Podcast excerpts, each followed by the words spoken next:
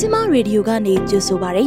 ။မြစီမရေဒီယိုဟာမြမပြည်သူများအတွက်ထုတ်လွှင့်တင်ဆက်ပေးလျက်ရှိပါတယ်။ကျမတို့ရဲ့မြစီမရေဒီယိုကိုနေ့စဉ်ည6နာရီခွဲမှည9နာရီခွဲထိလိုင်းဒိုမီတာ16မီတာစက္ကွန်တသမခွန်3မဂါဟက်ကနေပြီးတော့ဖမ်းယူနားဆင်နိုင်ပါပြီ။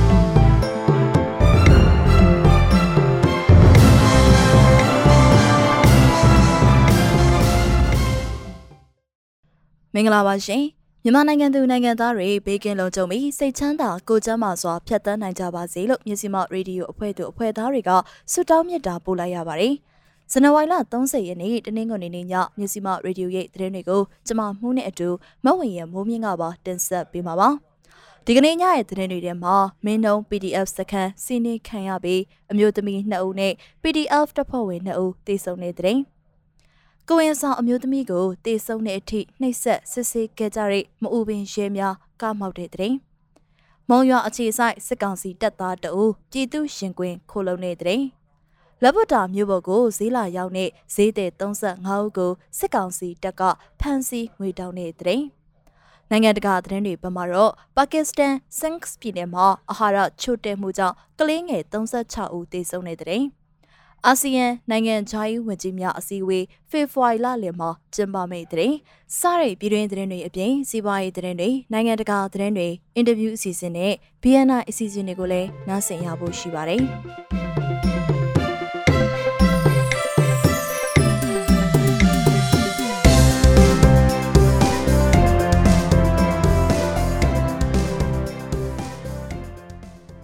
မကွေးတိုင်းအတွင်းပြည်သူ့ကာကွယ်ရေးတပ်ဖွဲ့ PDF စခန်းတစ်ခုကိုစစ်ကောင်စီတပ်ဖွဲ့တွေကအလစ်အငိုက်စင်းနေတက်ခိုက်ရာအမျိုးသမီး2ဦးအပါအဝင်လူ၄ဦးတေဆုံးပြီးအမျိုးသမီး2ဦးကိုဖမ်းဆီးသွားခဲ့တယ်လို့စစ်ကောင်စီနဲ့နှိစက်သူအချို့ကပြောပါတယ် တရက်ခရိုင်မင်းတုံမြို့နယ်ငကုံကျေးရွာနဲ့ရင်းကောက်ရွာကြားမှာဇန်နဝါရီလ29ရက်နေ့မနက်ပိုင်းကတိုက်ပွဲတစ်ကြိမ်ဖြစ်ပွားခဲ့ပြီးတော့အရှိုချင်းတိုင်းရင်းသားတွေနေထိုင်တဲ့ဇာလီကျေးရွာမှာတိုက်ပွဲထပ်မံဖြစ်ပွားခဲ့ရာ PDF ရဲဘော်2ဦးကြဆုံသွားခဲ့ခြင်းဖြစ်တယ်လို့ PDF တပ်ဖွဲ့ဝင်တအူးကအတည်ပြုပြောပါတယ်။ PDF အခြေစိုက်စခန်းမှာအပြန်အလှန်ပစ်ခတ်မှုဖြစ်ပွားခဲ့ပြီးတော့စစ်ကောင်စီရဲ့လက်နက်ကြီးပစ်ခတ်မှုတွေကြောင့်အဲ့ဒီစခန်းကိုစွန့်ခွာခဲ့ရတယ်လို့ PDF တပ်ဖွဲ့ဝင်တအုပ်ကအတည်ပြုပြောပါတယ်။စုဆောင်ထားတဲ့ပစ္စည်းတွေအကုန်ပါသွားပြီးလူတွေလည်းကွဲသွားဖို့ပြန်စုနေရတယ်။စခန်းကိုပြန်မရောက်နိုင်ဘူးလို့ပြောပါတယ်။အဲ့ဒီတိုက်ပွဲမှာစစ်ကောင်စီဘက်မှစစ်သား2ဦးတေဆုံးပြီးတော့ရဲတအုပ်အပါအဝင်3ဦးထိခိုက်ဒဏ်ရာရရှိခဲ့ပါတယ်။အခုတိုက်ပွဲဖြစ်ပွားတဲ့ငကုံကြီးရဟာမင်းတုံမြို့နယ်အစုံရခိုင်ရိုးမတောင်တန်းရဲ့တစ်ဖက်ကရခိုင်ပြည်နယ်အမ်းမြို့နယ်နဲ့ထိစပ်နေပြီးတော့ခင်ရဝါတော်များထူထပ်တယ်လို့သိရပါတယ်။ ဇွာလီယာကဟိုးရင်ကလေးကရှိတယ်ပြည်တိတ်အမည်မပေါက်ဘူးအင်ဂျီစစ်နဲ့အိမ်လောက်ရှိတာအခုမီတင်ရှိုးလိုက်ကြတယ်လို့စစ်ကောင်စီနဲ့နှိစက်သူတဦးကပြောပါတယ်တိုက်ပွဲအတွင်းဇာလီကျေးရွာကနေအိမ်စစ်နှလုံးစလုံးကိုစစ်ကောင်စီကမီးရှို့လိုက်တယ်လို့သိရပါတယ်ပြီးခဲ့တဲ့ဇန်နဝါရီလ26ရက်နေ့တုန်းကလည်းမင်းတုံမြို့ပေါ်လျှက်စစ်ရုံနဲ့မြို့မရဲစခန်းတို့ကိုမင်းတုံ PDF ကလက်လုံဖုံးနဲ့ပစ်ခတ်ခဲ့ပြီးတော့၃ရက်အကြာမှာအခုလိုစခန်းဟာအတိုက်ခံရခြင်းဖြစ်ပါတယ်။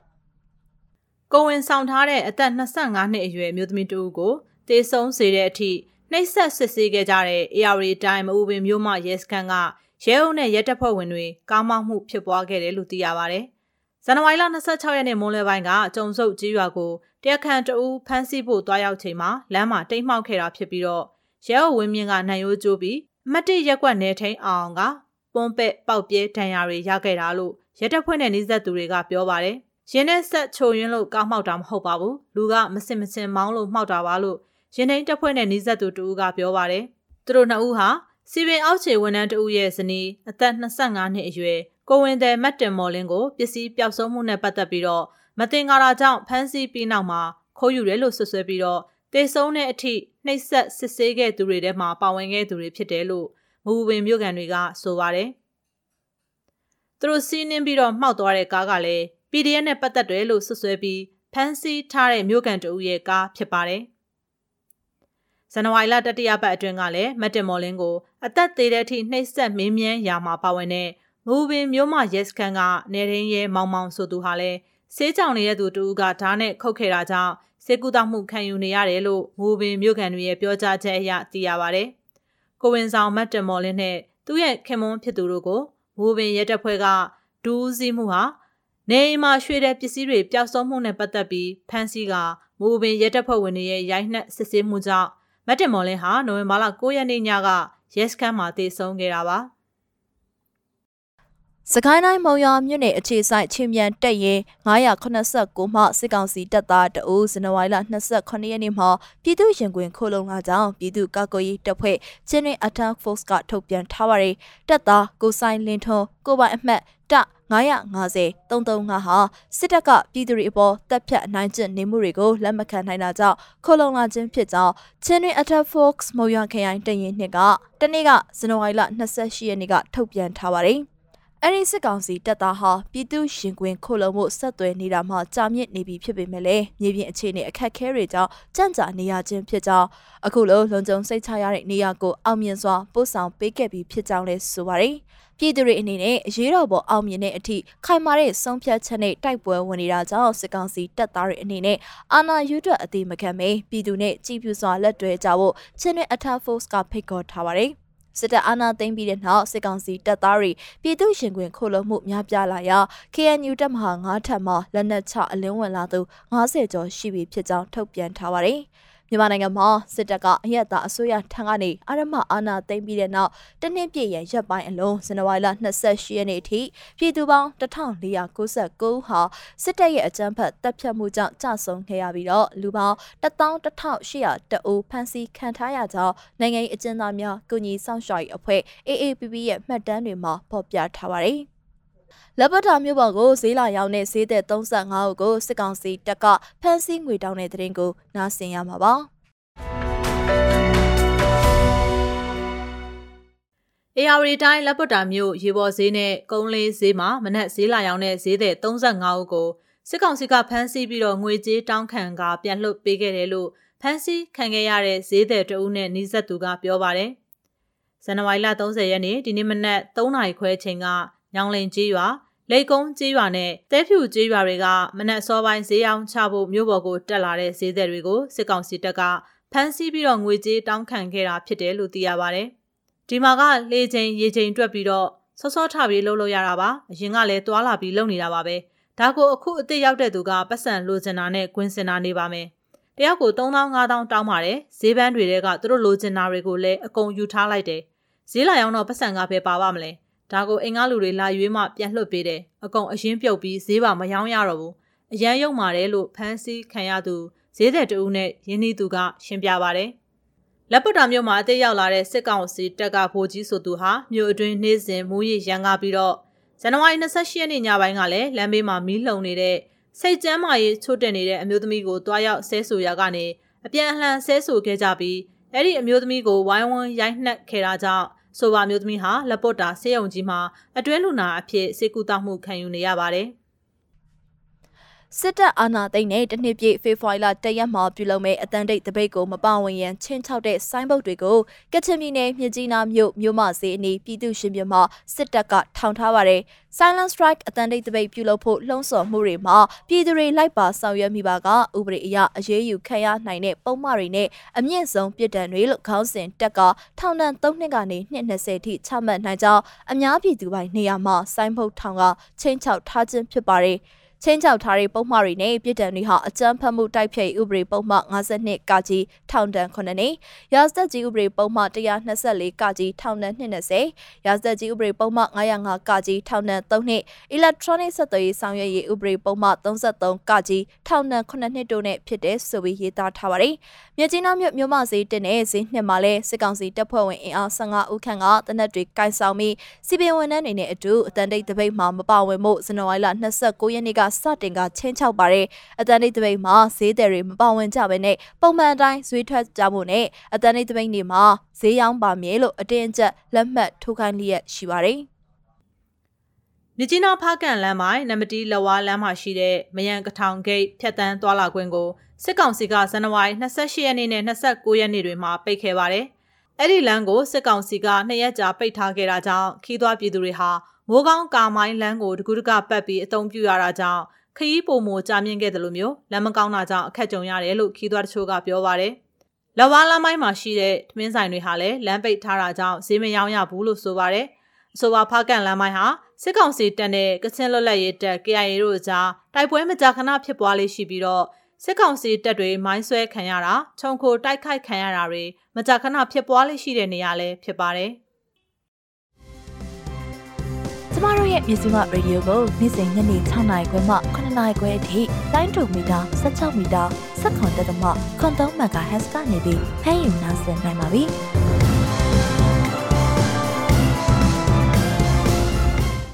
ပြည်ရင်းသတင်းတွေကိုတင်ဆက်လုပ်ပြီးပါပြီရှင်။အခုဆက်လက်ပြီးတော့စီးပွားရေးသတင်းတွေကိုနားဆင်ကြရမှာပါ။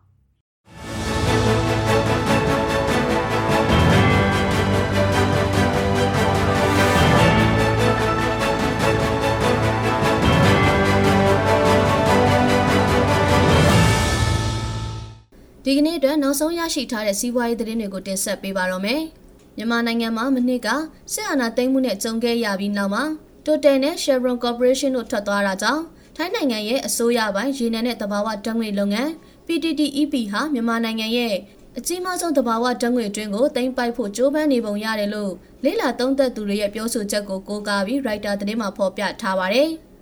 အစုရှယ်ယာ25.5ရာခိုင်နှုန်းပိုင်ဆိုင်ထားပြီးဖြစ်တဲ့ရေဒနာလောက်ကွက်ရဲ့ operator ဖြစ်လာမယ်။ PTTEP ရဲ့ဆောင်ရွက်ချက်ဟာထိုင်းနိုင်ငံနဲ့မြန်မာနိုင်ငံကိုအရေးပါတဲ့ဓာတ်ငွေအထောက်ပံ့တွေဆက်လက်စီးဆင်းစေမှာဖြစ်ပြီးပိုပြီးတင်းကျပ်နေတဲ့အမေရိကန်နဲ့တခြားပိတ်ဆို့အရေးယူမှုတွေအကြားမြန်မာစစ်အာဏာရှင်အုပ်စုအတွက်ဝင်ငွေကိုအကာအကွယ်ပေးနိုင်မှာဖြစ်ပါတယ်။ပြင်သစ်ကုမ္ပဏီ Total နဲ့ American ကုမ္ပဏီ Chevron တို့ဟာမြန်မာနိုင်ငံအနောက်တောင်ဘက်ကမ်းလွန်က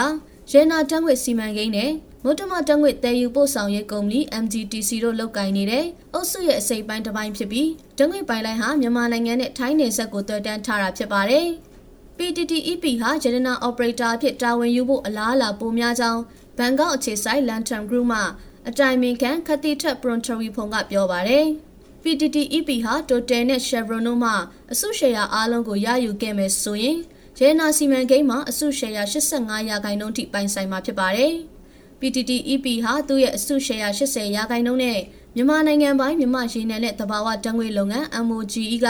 20ရာခိုင်နှုန်းပိုင်ဆိုင်ထားတဲ့ဇောတိကလောက်ကွက်အသေးကိုလည်းလဲပတ်နေပြီဖြစ်ပါတယ်။ PTTEP ကရေနံတံငွေစီမံကိန်းနဲ့ပတ်သက်တဲ့နောက်ထပ်လုပ်ငန်းအဆင့်တွေနဲ့ထိုင်းနဲ့မြန်မာနိုင်ငံအတွက်စွမ်းအင်ထောက်ပံ့မှုကိုဘယ်လိုထိန်းသိမ်းရမယ်ဆိုတာတွေကိုတေချာစဉ်းစားနေကြောင်းပြောကြားခဲ့ပါတယ်။ မြန်မာစစ်တပ်ကိုပြစ်မှတ်ထားတန်ခတ်အရေးယူမှုအသစ်တွေဟာစစ်တပ်အုပ်ချုပ်မှုကိုထောက်ခံတဲ့နိုင်ငံသားငွေပေးချေမှုတွေကိုပိတ်ဆို့မထားဘူးဆိုရင်မြန်မာစစ်တပ်ဟာတဘာဝတန်ငွေနဲ့တခြားတူဖို့ရေးကဏ္ဍတွေကနေကြီးမားများပြားတဲ့ဝင်ငွေတွေကိုဆက်လက်ကောက်ယူသွားမှာဖြစ်တယ်လို့လည်းလူခွင့်ရေးစောင့်ကြည့်ရေးအဖွဲ့ HRW ကပြောကြားထားပါတယ်။မြန်မာနိုင်ငံမှာကြန့်ရှိနေသေးတဲ့အဓိကစွမ်းအင်ကုမ္ပဏီနှစ်ခုဖြစ်တဲ့ထိုင်းဆိုရပိုင် PTT နဲ့တောင်ကိုရီးယားရဲ့ POSCO တို့ဟာ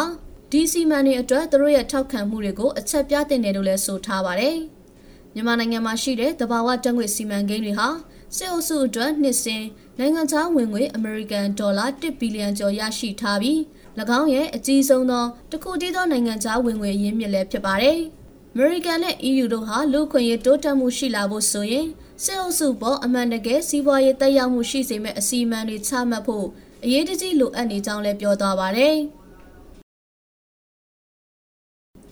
2020-2021ဘဏ္ဍာနှစ်အောက်တိုဘာလမှစက်တင်ဘာလကုန်ထိပြည်ပသို့ရောဘာစိမ်းတင်ပို့မှုမှာဒေါ်လာ449တန်းကျော်ရရှိခဲ့ပြီးရခိုင်နှစ်ဘဏ္ဍာနှစ်ထက်ဒေါ်လာ185တန်းပိုမိုတင်ပို့ခဲ့ကြောင်းစစ်ကောင်စီရဲ့စီးပွားရေးနဲ့ကုသရေးဝန်ကြီးဝန်ကြီးဌာနမှသိရပါဗျ။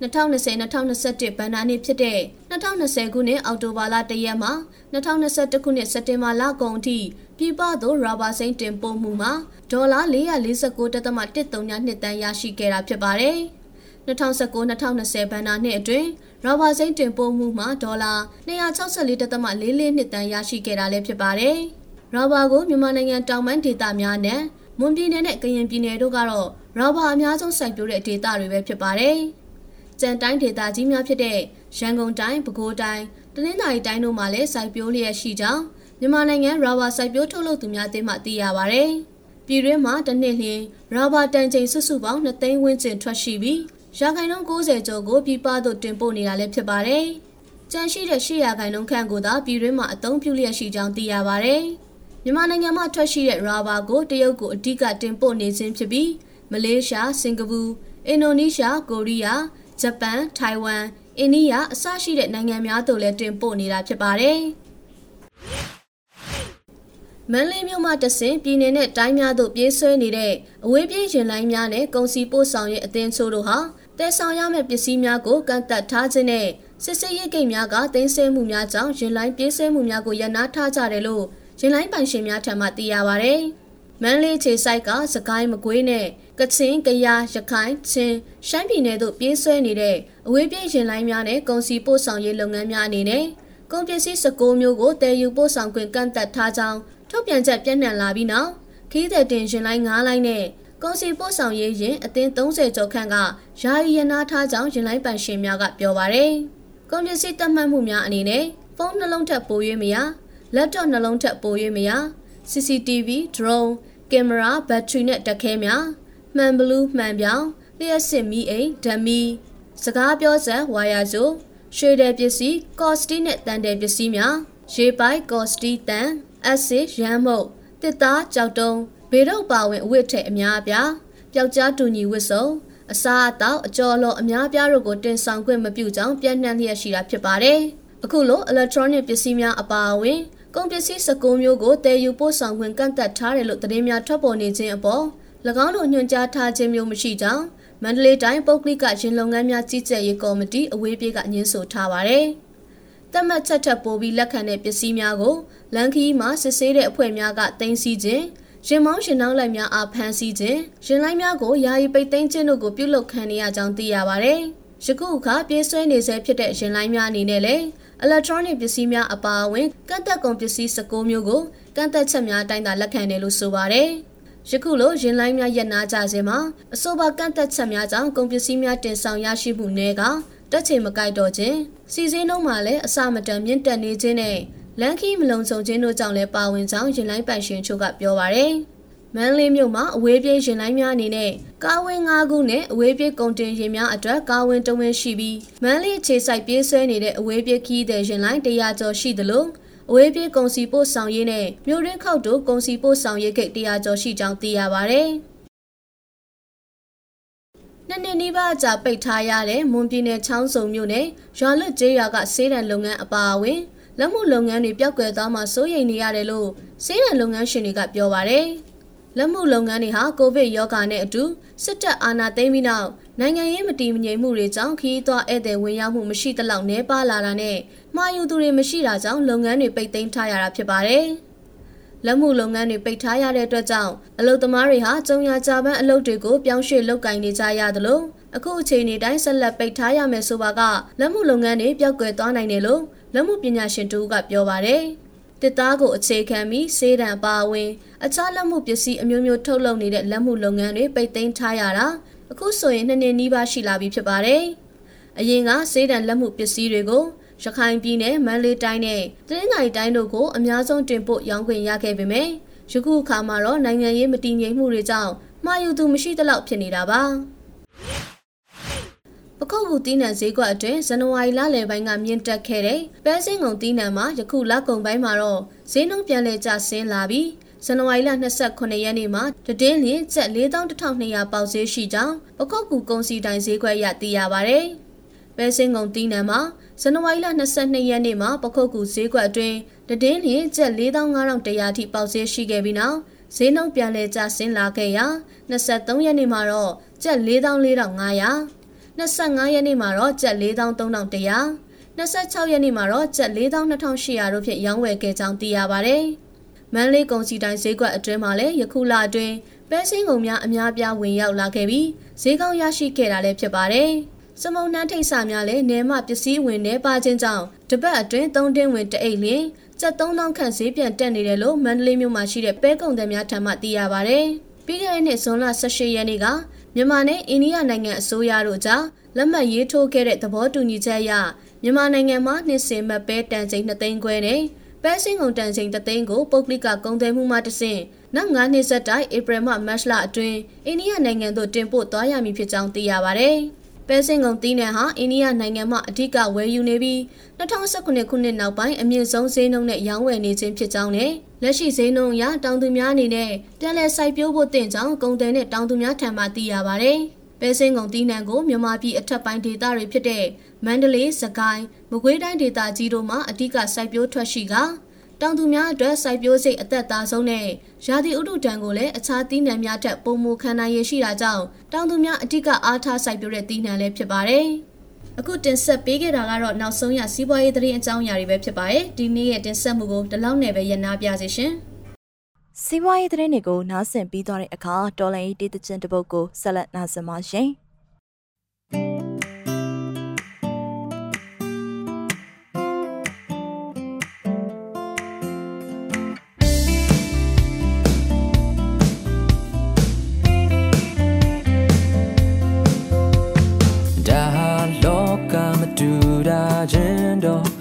ဆန်းဘူးကွာဝါဒများကြစင်ကြင်စင်စားအပူတဲ့တော့ရှိမှာအာအာတင်ပြီးတော့ရှောင်းကြမယ်တငယ်ချင်းတရားတရားမြတ်တာမှုရှိတဲ့နေရာကြီး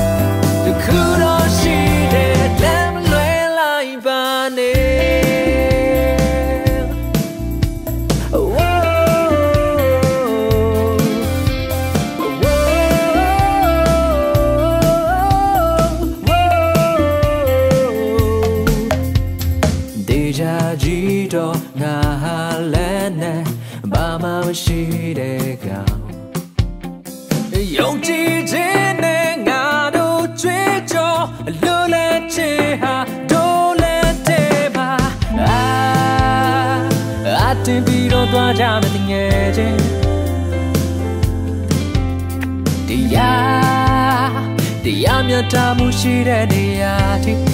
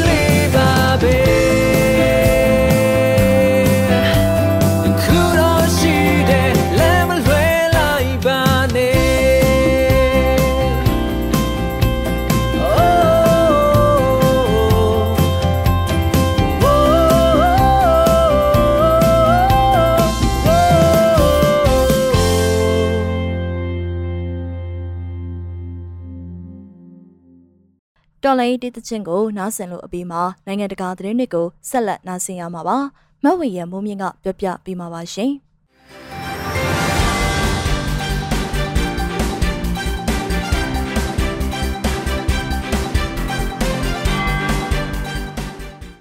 ဒီနေ့ရဲ့နိုင်ငံတကာသတင်းတွေကိုနားဆင်ကြရမှာပါ။2018ခုနှစ်နောက်ပိုင်းဆွမ်းအပြင်းဆုံးဒုံးကြီးမြောက်ကိုရီးယားစံသက်ပစ်လွှတ်တဲ့သတင်းကိုပြောပြမှာပါ။ မြောက်ကိုရီးယားဟာ2018ခုနှစ်နောက်ပိုင်းသူ့ရဲ့စွမ်းအားအပြင်းဆုံးဒုံးကျည်စမ်းသပ်ပစ်လွှတ်မှုတစ်ခုကိုဇန်နဝါရီလ30ရက်နေ့မှာလှုပ်ဆောင်ခဲ့ပါတယ်ဒါဟာအခုလအတွင်းမြောက်ကိုရီးယားတို့ရဲ့လှုပ်ဆောင်ခဲ့တဲ့ခုနှစ်ကြိမ်မြောက်ဒုံးကျည်စမ်းသပ်မှုလည်းဖြစ်ပါတယ်။တစ်ချိန်တည်းမှာပဲမြောက်ကိုရီးယားဟာနျူကလ িয়ার နဲ့တာဝေးပစ်ဒုံးကျည်စမ်းသပ်မှုတွေကိုရှေ့ကာလမှာဆက်လက်လှုပ်ဆောင်လာနိုင်တယ်လို့တောင်ကိုရီးယားကသတိပေးခဲ့ပါတယ်။ မြောက်ကိုရီးယားဟာပြက်ကရင်လတလအတွင်းအခုလောက်ထိအကြိမ်ကြီးများပြားတဲ့ဒုံးကျည်စမ်းသပ်မှုတွေကိုအရင်ကဘယ်တော့မှလှုပ်ဆောင်ခဲ့တာမျိုးမရှိပါဘူး။ဒါအပြင်မြောက်ကိုရီးယားဟာတာဝေးပစ်နဲ့နျူကလ িয়ার လက်နက်တွေစမ်းသပ်မှုအပေါ်သူတို့ဘာသာချမှတ်ထားတဲ့ငါးနှစ်နီးပါးကြာဆိုင်းငံ့ထားမှုကိုတော့ဆွန့်လွတ်တော့မယ်လို့လည်းပြီးခဲ့တဲ့အပတ်ကချိန်ချောက်ထားပါတယ်။အမေရိကန်နဲ့အကြားငြိမ်းချမ်းရေးဆွေးနွေးမှုတွေဟာရှေ့မဆက်နိုင်တော့ဘဲရပ်တန့်နေခဲ့တာနဲ့အတူ မြောက်ကိုရီးယားဟာအခုဒုံးကျည်စမ်းသပ်မှုတွေနဲ့နိုင်ငံစစ်တပ်ကိုခစ်မီအောင်လုပ်မယ်ဆိုတော့ခေါင်းဆောင်ကင်ဂျုံအန်ရဲ့ပြောကြားချက်ကိုပုံမခိုင်မာအားကောင်းအောင်လှုပ်ဆောင်နေခဲ့ပါတယ်။မြောက်ကိုရီးယားဟာကိုရီးယားကျွန်းဆွယ်မှာတင်းမာမှုတွေအမြင့်ဆုံးရောက်ခဲ့ချိန်ဖြစ်တဲ့2018ခုနှစ်ကလို့တူညီတဲ့ပုံစံအတိုင်းလက်ရှိအချိန်မှာလည်းလှုပ်ဆောင်နေပုံပေါ်ကြောင်းနဲ့ မကြခင်မှာနျူကလ িয়ার နဲ့တိုက်ချင်းပစ်ဒုံးစမ်းသပ်မှုတွေပြန်ဆလာနိုင်တယ်လို့လည်းတောင်ကိုရီးယားကသတိပေးထားပါတယ်။မြောက်ကိုရီးယားဟာနျူကလ িয়ার နဲ့တာဝေးပစ်လက်နက်တွေစမ်းသပ်မှုတရားဝင်ဆိုင်ငံ့ကြောင်းကြေညာချက်ကိုချိုးဖျက်ဖို့နှီးစက်လာနေပြီဖြစ်ကြောင်းတောင်ကိုရီးယားသမ္မတမွန်ဂျေအင်းကစိုးရဲ့မျိုးသားလုံခြုံရေးကောင်စီအရေးပေါ်အစည်းအဝေးတစ်ခုမှာပြီးခဲ့တုန်းကပြောကြားခဲ့ပါတယ်။ခက်မြင့်မြင့်ချိန်ရွယ်ပြစ်ခတ်ခဲ့တဲ့မြောက်ကိုရီးယားတို့ရဲ့တာလက်ပစ်ပဲ့ထိန်တုံး ပြစ်လွတ်စမ်းသပ်မှုတစ်ခုကိုမိမိတို့ထောက်လန်းသိရှိခဲ့ရကြောင်းကိုရီးယားစစ်တပ်ကပြောပါတယ်။တနင်္ဂနွေနေ့မှာစမ်းသပ်ခဲ့တဲ့မြောက်ကိုရီးယားရဲ့ပဲ့ထိန်ထုံးကတော့အမြင့်ကီလိုမီတာ2000အထိရောက်ခဲ့ပြီးတော့အကွာအဝေးကီလိုမီတာ800လောက်အထိနိုင်ဝက်ကြာပြန်တန်းခဲ့တယ်လို့ခန့်မှန်းရကြောင်းတောင်ကိုရီးယားရဲ့ပူးတွဲစစ်ဦးစီးချုပ်အဖွဲ့ကပြောပါတယ်။အဲ့ဒီစမ်းသပ်မှုအရမြောက်ကိုရီးယားဟာ2018ခုနှစ်နောက်ပိုင်းပထမဆုံးသောတာလက်ပစ်ပဲ့ထိန်ထုံးကိုစမ်းသပ်ခဲ့တာဖြစ်နိုင်ကြောင်းနိုင်ငံတကာမဟာဗျူဟာလေ့လာမှု Institute ကအကဲခတ်သူတဦးဖြစ်တဲ့ဂျိုဇက်ဒမ်ဆေးက Twitter မှာရေးသားခဲ့ပါတယ်။နိုင်ငံတကာကအသိအမှတ်ပြုဖို့တာလီဘန်တို့အခွင့်အရေးကိုလေးစားလိုက်နာတင်လို့ကုလအကြီးအကဲပြောကြားလိုက်တဲ့အကြောင်းကိုဆက်လက်နားဆင်ရမှာပါ။ အာဖဂန်နစ္စတန်ရဲ့တာလီဘန်တို့အနေနဲ့နိုင်ငံတကာရဲ့အတိအမှတ်ပြုမှုနဲ့ထောက်ပံ့ကူညီမှုကိုရရှိလိုရဆိုရင်လူ့အခွင့်အရေးကိုလေးစားလိုက်နာသင့်ကြောင်းကုလသမဂ္ဂအတွင်းမှုချုပ်အန်တိုနီယိုဂူတာရက်ကဇန်နဝါရီ22ရက်နေ့မှာပြောကြားခဲ့ပါတယ်။နယူးယောက်မြို့မှာကျင်းပတဲ့ထွေထွေညီလာခံအစည်းအဝေးမှာ2022ခုနှစ်အတွက်ဦးစားပေးကိစ္စရပ်တွေကိုထုတ်ဖော်ခဲ့စဉ်မှာကုလအကြီးအကဲကအခုလိုပြောဆိုခဲ့တာဖြစ်တယ်လို့တိုလို news ကဖော်ပြပါတယ်။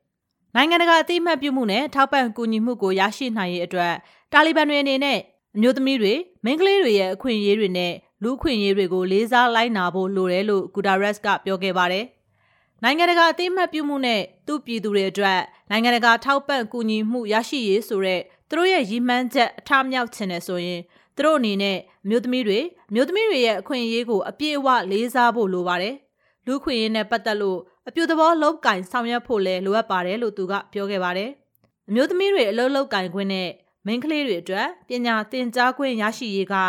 နိုင်ငံတကာအသိမှတ်ပြုမှုအတွက်အဓိကကျတဲ့ကိစ္စရပ်ဖြစ်တယ်လို့နိုင်ငံတကာအတိုင်းဝိုင်းကသတ်မှတ်ထားပါတယ်။အာဖဂန်နစ္စတန်မှာအရင်ဆိုးရပြုတ်ကျပြီးတဲ့နောက်ပိုင်းနိုင်ငံရဲ့ဒေသအများစုမှာမိန်းကလေးတွေအတွက်လယ်တန်းကျောင်းတွေကိုပိတ်ထားဆဲဖြစ်ပါတယ်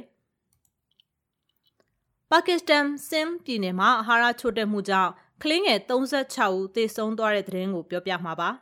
။ပါကစ္စတန်နိုင်ငံဆင်ပြည်နယ်တာခရိုင်မှာအာဟာရချို့တဲ့မှုကြောင့်ကလေးငယ်36ဦးသေဆုံးခဲ့တယ်လို့သိရပါတယ်။နိုးစို့ရွယ်ကလေးငယ်36ဦးသေဆုံးကြောင်းဟိုင်ဒါရာဘတ်မြို့ကျန်းမာရေးဌာနဒုတိယညွှန်ကြားရေးမှူးချုပ်အရှရတ်မမွန်ကအတည်ပြုပါတယ်။တာဘကာခရိုင်နဲ့သူ့ရဲ့အနီးပတ်ဝန်းကျင်ဒေသတွေမှာမွေးဖွားတဲ့ကလေးငယ်တွေဟာ ဟာရချို့တက်မှုအပြင်အရွယ်မတိုင်ခင်အိမ်အောင်ပြုမှုကြောင့်ဖြစ်ပေါ်လာတဲ့တန်တက်ချို့တက်မှုတို့အပါအဝင်တခြားကျန်းမာရေးပြဿနာတွေလည်းကြုံတွေ့ခံစားနေရတယ်လို့သူကပြောခဲ့ပါတယ်။ကလေး၁၀ယောက်နဲ့အထက်ရှိတဲ့မိသားစုတွေဟာစာလောင်ငတ်မမှုနဲ့မျိုးရိုးလိုက်ယောဂဖြစ်တာမျိုးတွေပုံမခံစားရနိုင်ခြင်းများပါတယ်။နောက်ပြီးသူတို့ရဲ့ကလေးတွေဟာရှိတဲ့ကိုအလေးချိန်ထက်နဲတာမျိုးတွေပိုပြီးဖြစ်နိုင်ခြင်းများတယ်လို့သူကဖြစ်ဆွက်ပြောခဲ့ပါတယ်။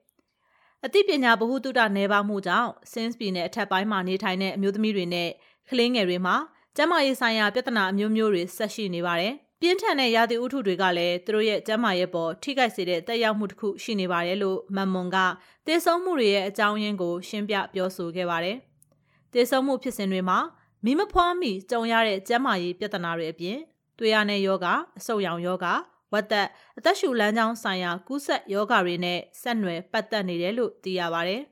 ။နောက်ဆုံးတစ်ပုတ်အနေနဲ့အာဆီယံနိုင်ငံသားရေးဝန်ကြီးအစည်းအဝေးကိုဖေဖော်ဝါရီလလယ်မှာကျင်းပမယ်ဆိုတဲ့အကြောင်းကိုနားဆင်ရမှာပါ။ရွှေဆိုင်ထားခဲ့တဲ့အာဆီယံနိုင်ငံသားရေးဝန်ကြီးများအစည်းအဝေးကိုဖေဖော်ဝါရီ16 19မှာပြန်လည်ကျင်းပသွားမှာဖြစ်တယ်လို့ကမ္ဘောဒီးယားနိုင်ငံသားရေးဝန်ကြီး Prep Sokhon ကမနေ့ကအတည်ပြုခဲ့ပါတယ်။ အလားတူသူဟာအာဆီယံအုပ်စုရဲ့အထူးတပ်တမန်အဖြစ်မြန်မာနိုင်ငံကိုပထမဆုံးခီးစဉ်လာရောက်ဖို့ပြင်ဆင်နေပြီဖြစ်တယ်လို့လည်း Sokhon ကပြောပါတယ်။အာဆီယံနိုင်ငံသားရေးဝန်ကြီးများအစည်းအဝေးကိုဇန်နဝါရီ18-19မှာကျင်းပဖို့မူလကစီစဉ်ထားခဲ့ပေမဲ့အာဆီယံဝန်ကြီးတချို့တက်ရောက်ဖို့အခက်အခဲရှိတာကြောင့်ရွှေ့ဆိုင်းခဲ့တာပါကမ္ဘောဒီးယားနိုင်ငံသားရေးဝန်ကြီးဆော့ခွန်ဟာကုလသမဂ္ဂလုံခြုံရေးကောင်စီအလှည့်ကျဥက္ကဋ္ဌမိုနာဂျူးစ်နဲ့အွန်လိုင်းကတွေ့ဆုံချိန်မှာ အာဆီယံနိုင်ငံသားရေးဝန်ကြီးများအစည်းအဝေးကိုပြုလုပ်မဲ့နေ့ရက်အသစ်ကိုကြေညာခဲ့တာပါအဆိုပါအာဆီယံနိုင်ငံသားရေးဝန်ကြီးများအစည်းအဝေးမှာမြန်မာနိုင်ငံအတွက်လူသားချင်းစာနာမှုအကူအညီပေးရေးကိစ္စကိုဆွေးနွေးသွားမှာဖြစ်တယ်လို့လည်းသိရပါဗျ။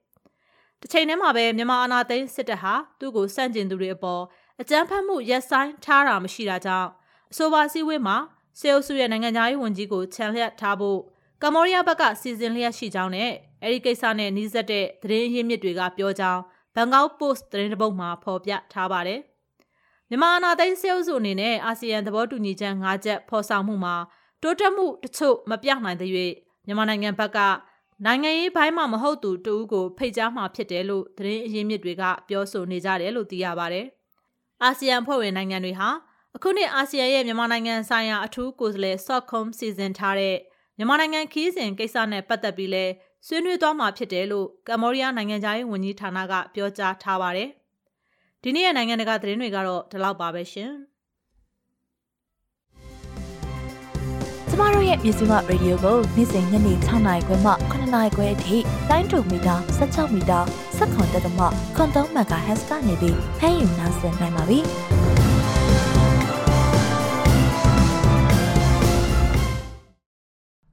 အခုဆက်လက်နားဆင်ရမှာကတော့အင်တာဗျူးအစီအစဉ်မှာစစ်သားတွေနဲ့စစ်မှုထမ်းဟောင်းတွေရဲ့ထဲ့ဝင်ငွေတွေနဲ့လဲပတ်နေတဲ့မြမစီးပွားရေးဥပိုင်လီမိတက်ဟာအမျက်ငွေတွေကိုမပေးနိုင်တာတစ်နှစ်ခွဲရှိပြီဖြစ်တဲ့အကြောင်းအပါအဝင်အခြားအကြောင်းအရာတွေကိုတွင်းဆွငွေဖြတ်တောက်ရေးအဖွဲ့ကကိုရဲကိုမဝေရမိုးမြင့်ကဆက်သွယ်မေးမြန်းထားတာနားဆင်နိုင်ပါတယ်။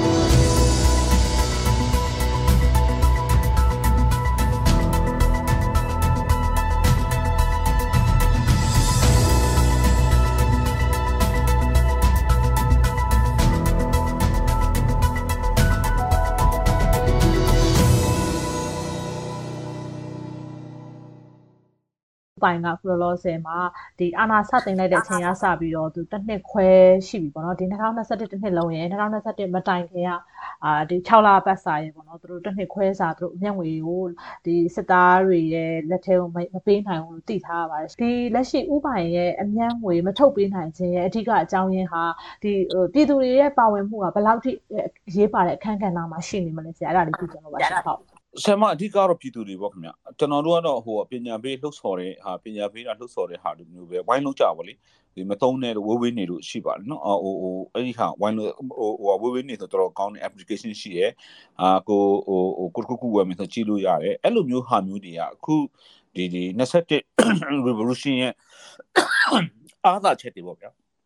နော်လူငယ်တွေပါနေဤပညာသမားတွေပါလူအစုံပါတော့နော်ပြီးတော့ ကျွန်တော်နိုင်ငံမှာရှိတဲ့ပြည်သူဘယ်တောက်ဘယ်နေရာမှာဖြစ်ဖြစ်ပုံမှန်လင်းပြောဗျာလဲနေအောင်လေအောင်မြေဆောင်မကြံဆိုတာကျွန်တော်စာထဲမှာဖတ်ဖို့ပါလေဟိုကြားဖို့တော့ဘယ်လိုဟာမှမသိဘူးကျွန်တော်တို့အခုဒီတော်လှန်ရေးကြုံမှာပဲလဲနေလေအောင်မြေဆောင်မကြံအော်ဒါခေါ်ပါလားပေါ့နော်ဘယ်သူပဲဖြစ်ဖြစ်ဘယ်နာပဲဖြစ်ဖြစ်ဘယ်လိုလူပဲဖြစ်ဖြစ်အားလုံးကဟိုဝိုင်းပူပေါင်းပြီးတော့ကျွန်တော်တို့ပြန်ကြတာဗျအဲ့တော့အဓိကတော့ပြည်သူတွေပေါ့ဒီအချမ်းဖက်ဆွေးအုပ်စုကထိခိုက်ဖို့ဆိုတော့အားလုံးဝိုင်းလို့ပေးကြတာလေဘယ်လိုတောင်းဆိုဆိုဒါမလို့ပါနဲ့အတောင်မွဲပါနဲ့ နော်မီတာခမ်ဆောင်ပါနဲ့အဲ့လိုမျိုးဟာမျိုးတွေအားလုံးပြည်သူတွေလိုက်လို့တက်ကြသူတို့အကြီးချက်ထိခိုက်တာပါခင်ဗျဟုတ်ကဲ့ရှင်အာလက်ရှိဒီဥပိုင်အမျက်ငွေမထုတ်ပေးနိုင်ခြင်းကဒီသွေးစွန်းငွေဖြတ်တောက်ရေးလှုပ်ရှားမှုတွေအောင်မြင်မှုလို့ပြောလို့ရမလားဆရာဒီအောင်မြင်မှုအနေနဲ့ပြောမယ်ဆိုလို့ရှိရင်ရောတခြားဘာတွေများရှိနိုင်အောင်လဲရှင်ဆမ်မဟိုကျွန်တော်တစ်စစ်တစ်ပိုင်းပဲပြောလို့ရမှာပေါ့လေကျွန်တော်တို့ကျွန်တော်တို့တခုတည်းမဟုတ်လေအများကြီးလုံနေတဲ့အဖွဲ့အစည်းတွေအများကြီးလေဒီတော်လိုင်းမှာအားလုံးပေါ့နော်ဝိုင်းပါပြီးတော့ ကိုတတ်နိုင်တဲ့ဟာအလုံးဝိုင်းလို့ကြတော့ကျွန်တော်တို့လည်းတစ်စစ်တစ်ပိုင်းပါတယ်လို့တော့ပြောလို့ရပါတယ်ဒါပေမဲ့ကျွန်တော်တို့ကြောက်လို့တော့ပြောလို့မရအောင်နော်ဟိုဟိုအားလုံးဝိုင်းလို့ကြတာကျွန်တော်မိတ်ဆွေတွေအားလုံးဝိုင်းဝိုင်းလို့ကြတယ်ကျွန်တော်တို့ဒီအာရဲဘော်တွေညီကောင်မဝိုင်းလို့ကြတာပေါ့နော်အဓိကချက်ကတော့ဒီဒီဒီဟိုဝိုင်းပြီးတော့ဟိုအာဂျူမန်တက်ပေါ့လေအတူတူအာဟိုဟိုဟိုနောက်ွယ်ဘာညာလည်းမကြည့်တော့ဘူးပေါ့ဗျာနော်ဒီဒီစက်ကောင်စီဒါဘုံညာသူဖြစ်နေသတ်မှတ်ပြီးတော့ဝိုင်းပြီးတော်လှန်ဖို့ ကိုတတ်နေမှာကဝိုင်းလို့ကြမယ်ဆိုတဲ့ဟာနဲ့လောက်ကြတဲ့ကြဒီဟာအောင်မြင်မှုတော့ကတော့ကျွန်တော်တို့ဒီသွေးဆောင်ငွေလှုပ်ရှားမှုတစ်ခုတည်းမဟုတ်ပါဘူးအားလုံးဝိုင်းဝန်းပြီးဆောင်ရွက်ကြတဲ့လှုပ်ရှားမှုလို့ပြောလို့ရပါတယ်အာလူတယောက်ဦးတယောက်ချင်းစီကလည်းအဲ့လက်မှတ်လေးထိုးတယ်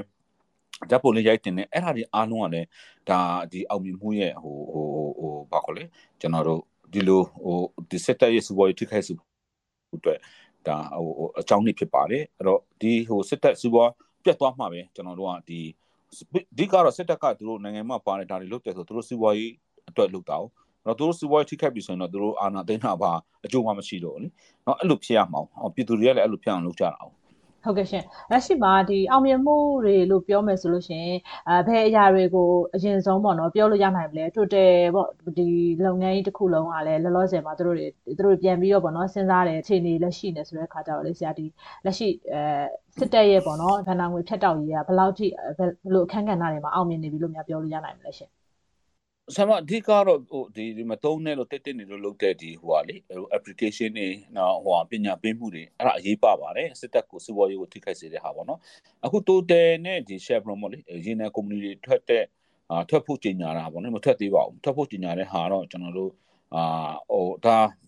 ဒါဒီဗမာပြည်ရော ဒီနိုင်ငံမှာရှိနေတဲ့ကျွန်တော်တို့ဒီမြန်မာဟိုပေါ့လေဟိုဟိုလူထုရောပေါ့နော်ဟောမြန်မာအတိုင်းဝိုင်းရောနောက်ပြီးရင်နိုင်ငံကအဖွဲ့အစည်းတွေဝိုင်းလို့ကြတာပေါ့နော်ဝိုင်းလို့ကြတဲ့ဟာဖြစ်ပါတယ်သို့တော့ကျွန်တော်တို့ကအဲ့ဒါအောင်ပွဲလို့ပြောလို့မရဘူးအောင်မြင်မှုလို့တော့ပြောလို့ရတယ်ဒါပေမဲ့လမ်းတော့ပဲရှိသေးတယ်ကျွန်တော်တို့ဟိုကျွန်တော်တို့ဒီမှန်းချက်ဖြစ်တဲ့ဒီစစ်တပ်လက်ထဲကိုနော်အကြံဖက်ဆော့စုလက်ထဲပတ်ဆံမရောက်ရေးပတ်စံကိုဖြတ်တောက်ရေးကိုကျွန်တော်မဖြစ်သေးဘူးအဲ့တော့အခုလမ်းပေါ်ပဲရှိသေးတယ်အခုသူဟိုသူတို့ထွက်ဖို့ကြီးညာနဲ့သူ6လကြာရင်ထွက်မယ်ပေါ့နော် အဲ့တော့သူတို့ကြံခဲ့တဲ့ဟာနော်သူတို့ရဲ့ဒီ share တွေနောက် share set လုပ်မဲ့ဟာတွေဘယ်လိုဆိုတော့အားရှင်းလင်းလင်းမသိသေးပါဘူးနော်အဲ့တော့ Total တို့ Chevron တို့အပါဝင်ကြံတဲ့ရေနံ company တွေကသူတို့ရဲ့ဒီဟိုပြောထားတဲ့ဆိုထားတဲ့အတိုင်းတောင်ဝန်ရှိရှိတောင်ဝန်တိတိနဲ့တောင်ဝန်ယူမှုရှိရှိနဲ့လုပ်ဖို့လိုပါတယ်ဝင်လင်းမြင်တာမှုရှိရှိနဲ့လုပ်ဖို့လိုပါတယ်အဓိကတော့ဒီဒီဟိုဟာဒီကတန်ရစတာတွေကမြန်မာပြည်သူတွေမြန်မာနိုင်ငံသားတွေပိုင်တဲ့ တန်စတာဖြစ်တဲ့ကြောင့်ကျွန်တော်မြန်မာနိုင်ငံသားတွေတောင်းဆိုတဲ့အတန်ကိုနားထောင်ဖို့လိုတယ်လို့အာမြန်မာပြည်သူတွေရဲ့လက်ရှိကျွန်တော်တို့အစိုးရဖြစ်တဲ့ NUG ပေါ့နော်အာ National Unity Government ရဲ့ဒီဒီဟိုအသိမှတ်ပြုမှုနဲ့ကလုပ်လို့ရပါတယ်ခင်ဗျသူတို့ကဒီဟာတွေလာလုပ်တယ်ဆိုတဲ့ဟာကပွင့်လင်းပြောရရင်တော့ဗျာဟိုကလေးကစားတာမဟုတ်တာသူတို့စာချုပ်စာတမ်းနေနဲ့နော်ကျွန်တော်နိုင်ငံတော်နဲ့ထုတ်ထားတာဗျနော်ဟောနိုင်ငံတော်ကိုဟိုဟိုလက်ရှိအုပ်ချုပ်တာဘယ်သူလဲဆိုတော့အမေကွန်ရှိပါတယ်ကျွန်တော်ပြည်သူတရားလုံးကတော့နိုင်ငံတကာရော နော်ဒီအချမ်းဖက်ဆိုးဆူဗမာနိုင်ငံရဲ့အစိုးရလို့မသတ်မှတ်ပါဘူးနော်မသတ်မှတ်ဘူးသူအသိမှတ်လည်းမပြုပါဘူးအဲ့တော့ဒီဒီကျွန်တော်တို့အနေနဲ့တော့ကျွန်တော်တို့အစိုးရဒေတာ NUG ဖြစ်တယ်ဒါကြောင့် NUG ရဲ့ဒီလမ်းညွှန်မှုအဆုံးဖြတ်ချက်မပါဘဲနဲ့အဲ့ဒီကုမ္ပဏီကထွက်လို့လည်းမရဘူးဝင်လို့လည်းမရဘူးเนาะသူ6လထွက်မှာတို့ဘာလို့ ဘာမှလုပ်လို့မရပါဘူးဒါကြောင့်ကျွန်တော်တို့ဟိုကြက်ကြက်မမတ်ပြောနေတဲ့ဟာဒီတိုတယ် Chevron တို့ကကျွန်တော်တို့ဒီဟိုကျွန်တော်တို့အစိုးရဖြစ်တဲ့ NUG ရဲ့အသိမှတ်ပြုမှုပါမဲနဲ့တို့တခုမှဆုံးဖြတ်လို့မရပါဘူးထွက်မှာဖြစ်ဝင်မှာဖြစ်ပေးမှာဖြစ်ပေးမှာဖြစ်အဲ့တော့ဟိုဟိုအဲ့လိုမျိုးမလုပ်ဘူးပေါ့နော်ကျွန်တော်ပြည်သူတွေတောင်းဆိုတိုင်းမလုပ်ဘူးကျွန်တော်အစိုးရပြောတဲ့အတိုင်းမလုပ်ဘူးဆိုရင်တော့ဒီနောက်ဆက်တွဲဟာတွေတော့သူတို့ဖြေရှင်းရမှာဖြစ်ပါတယ်သူတာဝန်ယူရမှာဖြစ်ပါတယ်ခင်ဗျဟုတ် ဟုတ်ကဲ့ပါအာနောက်တစ်ခုမေးချင်တာကဒီလူတွေကပေါ့နော်ဒီတော်လိုင်းရေးဒီသွေးစွန်းငွေ black campaign နဲ့ပတ်သက်ပြီးလက်မှတ်တွေထိုးခိုင်းကြတာပေါ့ online လက်မှတ်ရေးထိုးခိုင်းတာရှိရပေါ့နော်အဲ့ဒီတော့ကလူတွေကအဲဒီ online လက်မှတ်ရေးထိုးတာဟာဘာမှမဟုတ်ဘူးပေါ့ဘာမှမဟုတ်ပေါ့မထိရောက်ဘူးပေါ့နော်ဒါအဒီတိုင်းလဲအာဘယ်လိုပြောရမလဲအပိုအပိုအလုပ်တွေလုပ်နေတယ်လို့မြင်တာမျိုးရှိရပေါ့နော်အခုအဲ့ဒီဥစ္စာရဲ့တက်ရောက်မှုရဲ့အကျိုးကျေးဇူးလေးကိုလည်း channel နဲ့လောက်ပြောပြပေးပါဦးရှင်ဟုတ် ဆရာမအဲ့ဒါအရေးကြီးပါတယ်ကျေးဇူးတင်ပါတယ်မေးပေးတဲ့ဟာကျွန်တော်တို့ကတော့ဟိုဟိုပွင့်လင်းပြောရမယ်ဟိုဟိုဟိုဒီဒီ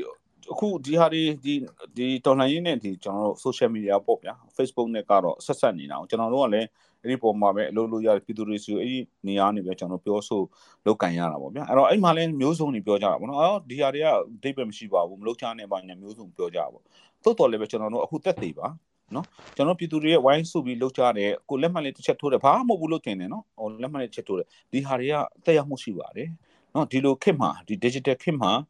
အာ information technology က IT ခေတ်မှာကျွန်တော်တို့ IT ကိုသုံးပြီးတော့တော်လှန်နေတာဖြစ်ပါတယ်ဒီဆန္ဒပြတာကျွန်တော်တို့ဒါဟိုမျိုးစုံပေါ့ဗျာကိုတတ်နေတဲ့ဘက်ကပါဝင်နေတဲ့ဟာတွေအားလုံးအရေးကြီးသလိုအာကျွန်တော်တို့အိမ်မာနေနဲ့ click လေးလုပ်တယ်လက်မှတ်လေးထိုးတယ်အဲ့ဒါလည်းထင်သေးလို့မရအောင်နော်ကိုလုပ်လိုက်တဲ့အတိုင်းမှာထိရောက်မှုတွေရှိတဲ့ကြောင်းအာပြည်သူတွေနဲ့ဆက်လက်ပြီးပါဝင်ပေးကြဖို့နော်ဆက်လက်ပြီးပူးပေါင်းကြဖို့ကိုလည်းကျွန်တော်တို့ကဆက်လက်ပြီးတိုက်တွန်းချင်ပါတယ်ဘယ်အရာမှအလကားဖြစ်သွားတာဘူးဖြစ်မသွားဘူးလို့သမျှအလုံးဒီအရာထင်ပါတယ်အောင်မြင်ပါတယ်ကျွန်တော်ညညွတ်ဖို့နော်စီလုံးဖို့တာလူပါတယ်နော်ဒီ campus ဆက်ကောင်စီဒီသမိုင်းတက်လျှောက်ပေါ့နော်သမိုင်းတက်လျှောက်မှာမအောင်မြင်ဆုံးအာနာသိမ့်ဖို့ကြုံမှန်းတဲ့လူတွေဖြစ်တယ် အာဆိုတဲ့ဟာဟိုပေါ်လွင်သွားပါတယ်နော်ဒါဒါဒီကျွန်တော်တို့အားလုံးညီညွတ်မှုပါပဲခင်ဗျဟိုဟိုအရေးကြီးပါတယ်ခုနညီမမိတဲ့မိကွန်ဒါလက်မှတ်လေးထိုးတယ်ဘာဖြစ်ပါတယ်ခင်ဗျနော်ဒီအခုဒီ total တို့ chevron တို့ PR ပေးတာဒီအဲ့ဒါလေးနဲ့ပေးတာနော်ပြည်သူတွေအားလုံးပါဝင်မှုတွေပဲပေးတာပါသူတို့နားထောင်ရပါတယ်နော်ဟိုကျွန်တော်အောင်မြင်မှုတော့မရသေးဘူးအာဟိုဟိုနိုင်ပွဲတော့မရသေးဘူးတိုးတော့ဟိုဟိုဟိုလန်တိုကတော့ရောက်လာပြီလိုအပ်တဲ့ဟိုဟိုအောင်မြင်မှုတသေးလေးတော့စားရပြီလို့ကျွန်တော်ပြောလို့ရပါတယ်ဒါစီစီပြည်သူအားလုံးရဲ့ ပါဝင်မှုပဲဖြစ်ပါတယ်ခင်ဗျာဟုတ်ဟုတ်ကဲ့ရှင်အာနောက်တစ်ခုကဒီဒီစစ်တပ်နဲ့ပူးပေါင်းဆောင်ရွက်နေကြတဲ့ပြည်တွင်းပြည်ပလုပ်ငန်းတွေဟာသူတို့ share တွေကိုပြန်လည်ထုတ်ယူတာမျိုးလုပ်နေရပေါ့နော်ဥပမာ Kiron ဆိုလို့ရှိရင်လည်းသူအာဒီဥပိုင်နဲ့ပေါင်းလုပ်နေတာသူတို့ပြန်ထွက်ဖို့လုပ်နေတဲ့အာမိနစ်တစ်နေ့ကပဲဒီကမ္ဘောဇာကနေပြီးတော့သူတို့ကြောက်မြေရင်နာလုပ်ငန်းကိုသူတို့အဲဒီဥပိုင်နဲ့ပေါ့နော်သူတို့ခွဲထွက်လိုက်တယ်ပေါ့နော်ဥပိုင်နဲ့သူတို့အပြီးသက်ရှင်းလင်းလိုက်ပြီးဘာညာဆိုတာမျိုးလည်းပြောဆိုထားရတယ်ရှိနေပေါ့နော်ဆရာအဲ့တော့ဒီလိုမျိုးအပြည်ပြည်ပတယ်မကဘူးပေါ့နော်ပြည်တွင်းကကမ္ဘောဇလိုမျိုးကပါဥပိုင်နဲ့ဒီလိုမျိုးတွေလမ်းခွဲလာတဲ့ဥစ္စာတွေဒီသူတို့ကအခုခေတ်စားနေတာပေါ့နော်နိုင်မြင်းကိုရွေးလောင်းတယ်ဆိုတဲ့အနေအထားမျိုးရှိနေတော့ပေါ့နော်ဒီစီးပွားရေးလုပ်ငန်းဆိုတာသူတို့တွေဘယ်လိုပြောမလဲသူတို့အကျိုးမြတ်မရှိတဲ့အရာကိုမလုပ်ကြဘူးပေါ့နော်ဆရာအဲ့တော့အဲ့ပုံမှာရောဆရာအနေနဲ့ဘယ်လိုများမြင်လဲဆမမေကောဒီမှာအဖြစ်ပါပြီးသားပါနော်ဟိုဟိုစီးပွားရေးသမားဆိုတာအလွန်လဲပါတယ်နော်အမျက်မရရင်ဘာမလုပ်ပါဘူးသူတို့ကဒီစစ်တပ်နဲ့ဒီအချမ်းဖက်ဆဲအုပ်စုနဲ့ခွာပြီးဆိုကြတဲ့ကိုကပွင့်လင်းပြောရရင်တော့စီးပွားရေးသမားတွေ တွက်တက်ပါတယ်သူတို့တွက်တာချက်တာအကျုံးနဲ့ပိုကောင်းပါတယ်ဒါဝန်ခံရမှာဖြစ်ပါတယ်အဲ့တော့နော်ဟိုဟိုစစ်တက်တက်ပြက်နေပါပြီနော်ရှုံးပြီသူတို့နော်ဒီတိုက်ပွဲမှာရှုံးပြီသူတို့အစွမ်းကိုရုံမှဖို့ပဲသူတို့မှကြံတော့တယ်သို့တော်လည်းပဲဒီပွဲမှာသူတို့ရှုံးပြီဆိုတာသိချပါပြီခင်ဗျဘာကြောင့်လဲဆိုတော့တိုတယ်ရှယ်ဗရွန်လိုမျိုးတန်းရွှေကိုနော်တန်းရွှေအစိုးရကိုနော်တန်းရွှေစစ်အုပ်စုကိုနောက်ကနေတောက်ခံပြီးတော့အာဏာသိမ်းမှုအောင်မြင်အောင်လုပ်ပြီးခဲ့တဲ့လူတွေဒီနော်အဲ့ကုမ္ပဏီတွေဒီထွက်ပါပြီ နော်မင်းအောင်လှိုင်ကိုမထောက်ခံပါဘူးနော်မင်းအောင်လှိုင်နဲ့တွဲပြီးအလုပ်မလုပ်ပါဘူးဘာကြောင့်လဲဆိုတော့ရှင်းရှင်းလေးပါမင်းအောင်လှိုင်ရဲ့အာဏာသိမ်းမှုမအောင်မြင်ဘူးဆိုတာသိချသွားပါပြီနော်သိချပြီမအောင်မြင်ဘူးအဲ့တော့သူတို့ဘယ်ချင်းအရှုံးပေးမလဲပဲရှိတယ်မအောင်မြင်တာသိချပြီနော်သူတို့အရှုံးပေးဖို့အချိန်ကိုပဲကျွန်တော်တို့ဟိုဟိုဟိုဆောက်အောင်ဖြစ်ပါတယ်အဲ့တော့အာအချမ်ပက်ဆိုးစုရဲ့နောက်လိုက်နောက်ပါတယ်ပေါ့ဗျာနီမျိုးမျိုးမျိုးပေါ့နော်ဟိုမငင်းဆန်တဲ့လို့တော်ကောင်းအချိန်မရှိလို့တော်ကောင်းအဲ့ဒါတွေလည်းတိဖို့လိုပါတယ်နော် ပြည်တွင်းပြည်ပဒီစီးပွားရေးသမားတွေဆိုတော့အလုံးလေပတ်တဲ့စီးပွားရေးသမားတွေဆိုတာကအာစီးပွားရေးသမားတွေကစစ်တပ်နဲ့လမ်းခွဲပြီးဆိုတဲ့ကူကအဲ့ဒီပွဲမှာသူတို့ရှုံးနေပြီးတော့တေချာသွားပြီပေါ့အဲ့တော့ဟိုဟိုကိုအသက်မသေးဖို့เนาะကိုမိသားစုဟိုဟာဟိုဟာတွေเนาะဟိုဟိုဟိုဟိုကဲတင်ဖို့ကတော့ကျွန်တော်ထင်တယ်အခုစစ်တပ်နဲ့အခုလက်ရှိတွဲလုပ်နေတဲ့စစ်တပ်ထက်မှလုပ်နေတဲ့เนาะ non CDM အစိုးရဝန်ထမ်းတွေရောအာနှုတ်ချွေးတပ်ဖွဲ့တွေရောအားလုံးကတော့ဟောနော်ဟိုဟိုစကိုရှိမှာနော်ဟိုဟိုပို့ပြီးနားလေတဲ့လူတွေပို့ပြီးထက်ထဲဝင်တည်တဲ့ နော်အခုကမ်ဘောဇာလိုမျိုးကနေခွဲထွက်နေပြီဆိုတဲ့အခါမှာကိုသူတို့ဆက်နေဖို့မသိတော့တော့ဘူးလို့ကျွန်တော်ပြောချင်ပါတယ်အဲဆက်နေမယ်ဆိုရင်တော့ဟိုစစ်တပ်နဲ့တူတူအေးလှိမ်မြုပ်ရမှာတခါတည်းကိုပါရောပြီးနစ်ပြီးမြုပ်ပြီးအာလုံးပျက်စီးကြမှာဖြစ်ပါတယ်ဒါကြောင့်ဟိုဟိုမြုပ်ခင်မှာနော်သူများဥပမာကြည်ပါသူများတွေထွက်ပါပြီထွက်ဆော့ခွာကြပါပြီအဲ့တော့ခုလက်ရှိစစ်တပ်နဲ့ပူးပေါင်းလှုပ်ဆောင်နေတဲ့စီဝါသမားတွေရောကျွန်တော်တို့ဒါ CDM တွေအာ non CDM တွေပေါ့လေ non CDM တွေရော နော်လူချိုးတပ်ဖွဲ့တွေရောနော်စော့ခွာကြဖို့အခြေခံပြီလို့ပြောချင်ပါတယ်ခင်ဗျဟုတ်ဟုတ်ကဲ့ပါဆရာခုလိုဖြေကြပေးရကျေးဇူးတင်ပါတယ်ဟုတ်ဟုတ်ကျေးဇူးတင်ပါတယ်ခင်ဗျ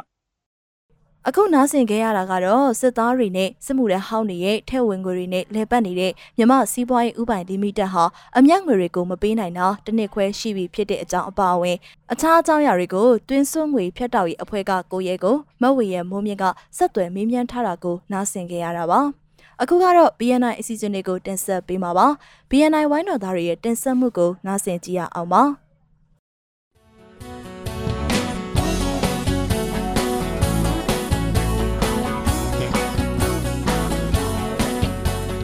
ဟင်္ဂလာပါရှင်နိုင်ငံတကာမြန်မာသတင်း BNN ရဲ့ဒီကနေ့ဇန်နဝါရီလ30ရက်နေ့အတန်လွင့်အစီအစဉ်တွေကိုစတင်နေပါပြီဒီအစီအစဉ်ကတော့တိုင်းသားဒေသတွေတဲကသတင်းတွေတိုင်းသားတွေရဲ့အတန်နဲ့အမြင်တွေကိုစူးစီးတင်ဆက်ထားတာဖြစ်ပါတယ် နေ့စဉ်မြန်မာစံတော်ချိန်ညနေ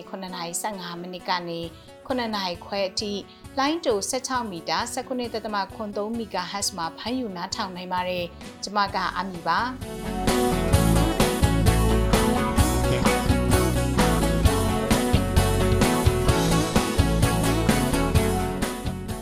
နေ့မှာကြားကြမယ့်သတင်းတွေကတော့ပထမအကြိမ်ပြည်သူညီလာခံကနေ Federal Democracy ပြည်ညအပိုင်း1နဲ့2ကိုသဘောတူလက်မှတ်ရေးထိုးခဲ့ပါတယ်။ရှမ်းကယားနယ်စပ်ဖဲခုံမှာ PDF နဲ့ KNDF တွေပူးပေါင်းတိုက်ခိုက်လို့စစ်ကောင်စီကအရာရှိအပါဝင်တိတ်ဆုံးမှုတွေရှိခဲ့ပါတယ်။နောက်ပိုင်းမှာတော့မွန်ပြည်နယ်ကတီးနှံစိုက်ပျိုးတဲ့တောင်သူတွေဘလို့မျိုးအခက်ခဲကြုံနေကြရလဲဆိုတာတွေကိုတင်ဆက်ပေးထားပါတယ်။သတင်းတွေကိုတော့ကျွန်မနဲ့တူဆိုင်မွန်းကနေတင်ဆက်ပြီးသွားမှာပါ။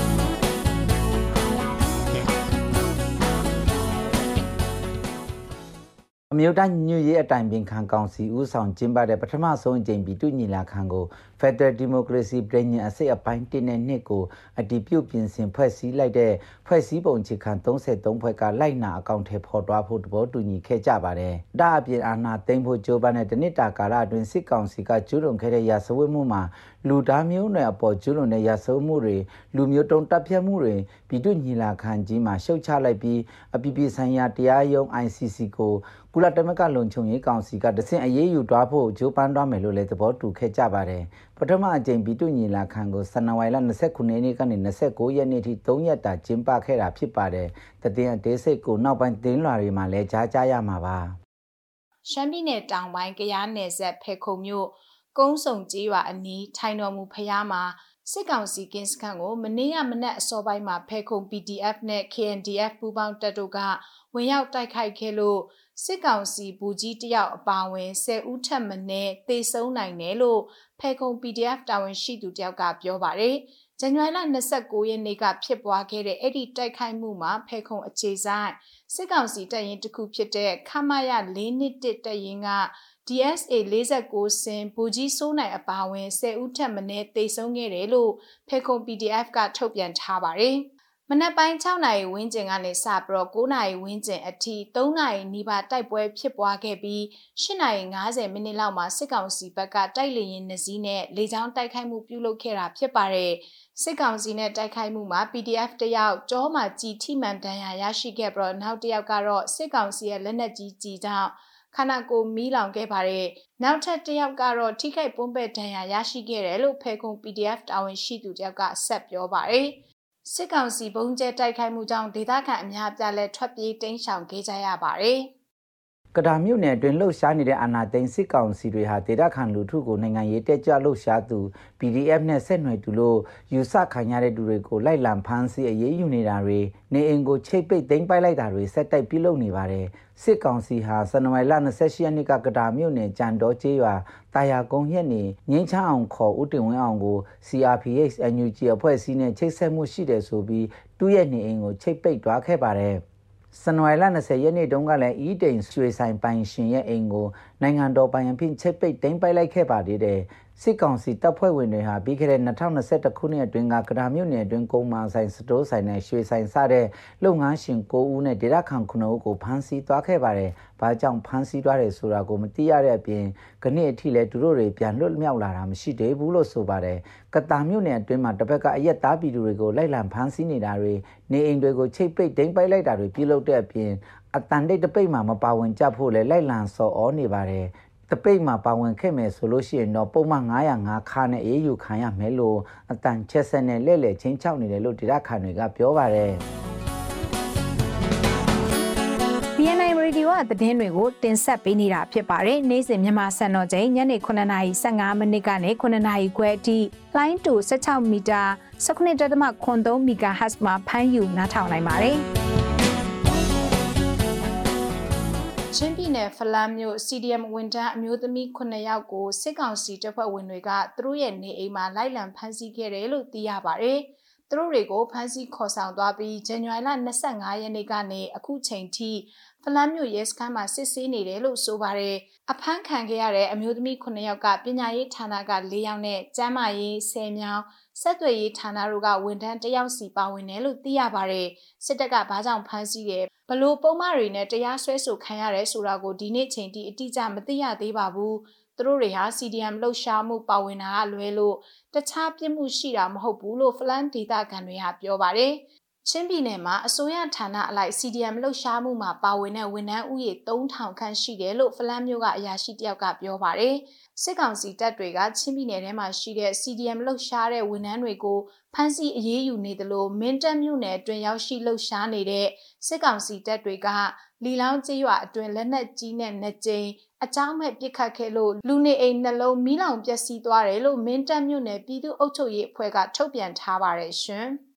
တနင်္လာရီတိုင်းဒေသကြီးပလောမြို့နယ်နဲ့ထဝယ်မြို့နယ်မှာနှစ်ရက်အတွင်းစစ်ကောင်စီတရင်ပေးတဲ့သူ၃ဦးပြစ်တက်ခံလိုက်ရတယ်လို့ဒေသခံတွေကပြောပါတယ် ပလောမြို့နယ်ဘက်မှာအုတ်ချုပ်ရေးစရေးတအူပြူစောတိအဖွဲ့လို့ယူဆရတဲ့ထဝယ်မြို့ခံသားဖနှဦးတို့ကိုအတီးတီးပြစ်တက်ခဲ့တယ်လို့သိရပါတယ်ပလောမြို့နယ်နန်းတောင်ကျေးရွာအုတ်ချုပ်ရေးမှူးယုံရုံးစီအဖြစ်လောက်ကင်နေတဲ့ဦးမျိုးအောင်အသက်38နှစ်ဟာဇန်နဝါရီလ29ရက်နေ့နာနဲ့ပိုင်းကပြစ်တက်ခံလိုက်ရတယ်လို့ရွာသားတွေကပြောပါတယ်ရုံစီဦးမျိုးအောင်ဟာမော်မိဘုံတော်ကြီးကျောင်းအနီးမှာတနတ်တန်ရသုံးချက်နဲ့ပြစ်တက်ခံရတာပါပြစ်တက်ခံရသူဟာဘလောမြို့နယ် ထမင်းမစားကျေးရွာနေထိုင်တဲ့နန်းတောင်ကျေးရွာအုပ်ချုပ်ရေးမှူးရုံးစီဖြစ်ပါတယ်သူဟာစစ်တပ်နဲ့ပေါင်းပြီးရွာသားတွေအပေါ်ချင်းချောက်အနိုင်ကျင့်တာတွင်စစ်တပ်တွေကိုတည်င်းပေးအလုပ်တွေလုပ်ကင်လို့ပြစ်တက်ခံရတာလို့ဘလောဒေတာကာကွယ်ရေးအင်အားစုဖြစ်တဲ့ PRDF အဖွဲ့ပြန်ကြားရေးတာဝန်ခံတဦးကပြောပါတယ်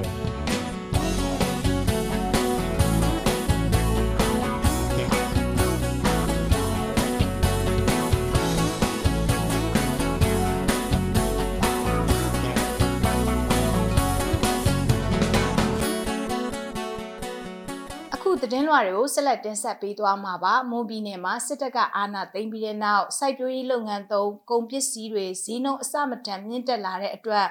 ဟင်းသီးဟင်းရွက်နဲ့တစ်သီးဝလံစိုက်ပျိုးသူတွေအရှုံးနဲ့ရင်ဆိုင်နေရတယ်လို့စိုက်ပျိုးထုတ်လုပ်နေသူတွေကပြောပါတယ်ဒီအကြောင်းကိုတော့တန်လွင်ထိုင်းသတင်းဌာနကကိုနောင်ခန့်ကပြောပြထားပါတယ်ဟင်းဒီဟင်းရွက်နဲ့တတိဝနံစိုက်ပျိုးသူတွေဟာစစ်တပ်အာဏာသိမ်းပြီးနောက်လုပ်ငန်းသုံးကုန်ပစ္စည်းဈေးနှုန်းမြင့်တက်လာမှုနဲ့အတူ ရာသီဥတုဖောက်ပြန်မှုကိုအကြီးကျယ်ရင်ဆိုင်နေရတာဖြစ်ပါတယ်။စိုက်ပျိုးရေးလုပ်ငန်းတွေမှာအဓိကအသုံးပြုနေတဲ့ဓာတ်မြေဩဇာဈေးနှုန်းဟာစစ်တပ်အာဏာသိမ်းတဲ့တစ်နှစ်နီးပါးကာလအတွင်းမှာတအိတ်ကိုကျပ်2000ကျော်ကနေကျပ်9000နောက်အထိနေစာနီးပါးဈေးနှုန်းမြင့်တက်လာတာပါ။နစီမှာတော့တတိဝနံစိုက်ပျိုးထုတ်လုပ်သူတွေဟာကုန်ကျစရိတ်ကြီးမြင့်မှုနဲ့အတူတိနှံထွက်စီမှုတိတိတတ်တာကျဆင်းလာတဲ့အတွက်ကြောင့်အဆုံးနဲ့ရင်ဆိုင်နေရတယ်လို့ တတိဝနံစိုက်ပျိုးထုံးထုတ်နေသူတဦးကပြောပါတယ်ပြီးတော့အခြေအနေကတော့ဘယ်ကောင်းလဲဆရာရယ်။ရာသီဥတုဖောက်ပြန်တာရယ်အသီးမရှိတာရယ်မြေဩဇာတွေဈေးကြီးတာရယ်အလုပ်သမားခတွေဈေးကြီးတာရယ်ဆိုတော့ပြန်ပြီးမထည့်တောင်မထည့်နိုင်ကြတော့ဘူး။ဆန်သမားတွေကအရှုံးပေါ်တာပေါ့။သစ်သီးဝလံခြံတွေကဈေးရိတ်နဲ့ထွက်တာနဲ့မမျှတော့အရှုံးပေါ်တာပေါ့။တတိဝနံစိုက်ပျိုးသူတွေဟာလျှပ်စစ်မီးမမှန်တာကြောင့် ဈေးနှုန်းကြီးမြင့်နေတဲ့73စီကိုဝယ်ယူပြီးရေသွင်းပေးနေရလို့စိုက်ပျိုးမှုကုန်ကျစရိတ်တွေပုံမမြင့်တက်လာတဲ့အခက်အခဲကိုလည်းရင်ဆိုင်နေရပါတယ်။ဒါအပြင်ထွက်စီနာတဲ့ဟင်းဒီဟင်းရွက်နဲ့တတိဝနံကလည်းဈေးကောင်းမရတဲ့အခြေအနေနဲ့ကြုံတွေ့နေရပါတယ်။ဒါကြောင့်ဟင်းဒီဟင်းရွက်နဲ့တတိဝနံစိုက်ပျိုးသူတွေဟာနောက်ပိုင်းမှာချန်မြေတွေကိုဆွတ်နွတ်ပြီးလုပ်ငန်းပြောင်းရမယ့်အခြေအနေအထိဖြစ်ပေါ်လာနိုင်တယ်လို့တတိဝနံစိုက်ပျိုးထုံးထုတ်သူတဦးကခုလိုပြောပါတယ်။ ဒီနှစ်ကျတော့လည်း ကိုဗစ်ဖြစ်တာနဲ့ ရာသီဥတုဖောက်ပြန်သွားတာနဲ့ဆိုတော့ ဒီနှစ်ကျတော့ ကျနော်တို့ ခြံသမားတွေ အရှုံးနဲ့ ရင်ဆိုင်ရတယ်လေ။အရောင်းအဝယ်တွေလည်း မရှိတော့တာ။အသီးအနှံနည်းသွားတာ။အသီးအနှံ ပျက်စီးတာကို။ကိုဗစ်ဖြစ်တော့ အသီးနှစ်ခုကတော့ အပင်မှာ အသီးအကြာကြီးထားတာနဲ့ ကြွေကျတာနဲ့ဆိုတော့ အဲလိုမျိုး အရှုံးတွေလည်း ရှိတာပေါ့နော်။ကျနော်တို့အနေနဲ့ကတော့ ဒီဥစ္စာတွေ မခံနိုင်တော့ဘူးဆိုလို့ရှိရင်တော့ လုပ်ငန်းပြောင်းမှ ရတော့မှာပေါ့ကို။”လက်ရှိမှာတော့ ဟင်းသီးဟင်းရွက်နဲ့ သစ်သီးဝလံ စိုက်ပျိုးသူတွေဟာ ထွက်စီနာတဲ့ကုန်ပစ္စည်းတွေဈေးကောင်းမရတဲ့အပြင်တည်ယူပို့ဆောင်ရေးစရိတ်ပုံမကုန်ကျနေတဲ့အတွက်ကြောင့်စိုက်ပျိုးထုံးထုံးမှုကိုထက်ဝက်နီးပါးဆော့ချလာကြတာဖြစ်ပါတယ်။မွန်ပြည်နယ်မှာတော့တတိဝနံစိုက်ပျိုးမှုအနေနဲ့နှစ်စစ်တီးနှံထဲမှာတော့ကျွဲကောဒူးရင်ကြက်မောက်နဲ့မင်းကုတ်ကိုအဓိကစိုက်ပျိုးကြတာဖြစ်ပြီးဟင်းသီးဟင်းရွက်တွေထဲမှာတော့ပန်းဖူးဂေါ်ဘီပြောင်းမုံနာဥငရုတ်နဲ့ရုံးတွေဒီတို့ကိုစိုက်ပျိုးထုတ်လုပ်နေတာဖြစ်ပါတယ်။ အမျိုးသားညီညွတ်ရေးအတိုင်ပင်ခံကောင်စီကကျင်းပခဲ့တဲ့ပထမအကြိမ်ပြည်သူ့ညီလာခံမှာဒီမိုကရေစီဖက်ဒရယ်ပြည်ညင်အပိုင်း1နဲ့2ကိုသဘောတူလက်မှတ်ရေးထိုးနိုင်ခဲ့ကြတယ်လို့ဆိုပါတယ်။ဒီအကြောင်းအသေးစိတ်ကိုတော့သတင်းနဲ့မီဒီယာကွန်ရက်ကစောပွေးကတင်ဆက်ပေးထားပါတယ်။ပြည်သူ့ညီလာခံကြီးကိုဇန်နဝါရီလ29ရက်နေ့က29ရက်နေ့ထိမြို့သားညီညွတ်ရေးအတိုင်ပင်ခံကောင်စီ NUCC ကကမကထပြုလုပ်ပြီးကျင်းပခဲ့တာဖြစ်ပါတယ်။ ဒီအစည်းအဝေးကနေအမျိုးသားညီညွတ်ရေးအတိုင်ပင်ခံကောင်စီ NUCC ကိုအစုအဖွဲ့၅ဖွဲ့ကိုကိုစားပြုတဲ့အစုအဖွဲ့ဝင်အဖွဲ့အစည်း33ဖွဲ့နဲ့ဖွဲ့စည်းလိုက်ပြီးဖြစ်ကြောင်းလည်းအတည်ပြုခဲ့ကြပါတယ်။အထွေထွေသပိတ်ပူးပေါင်းဆောင်ရွက်ရေးကော်မတီကဦးတူးကျော်လိုင်ကကျွန်တော်တို့ဒီ charter ကိုအတည်ပြုတယ်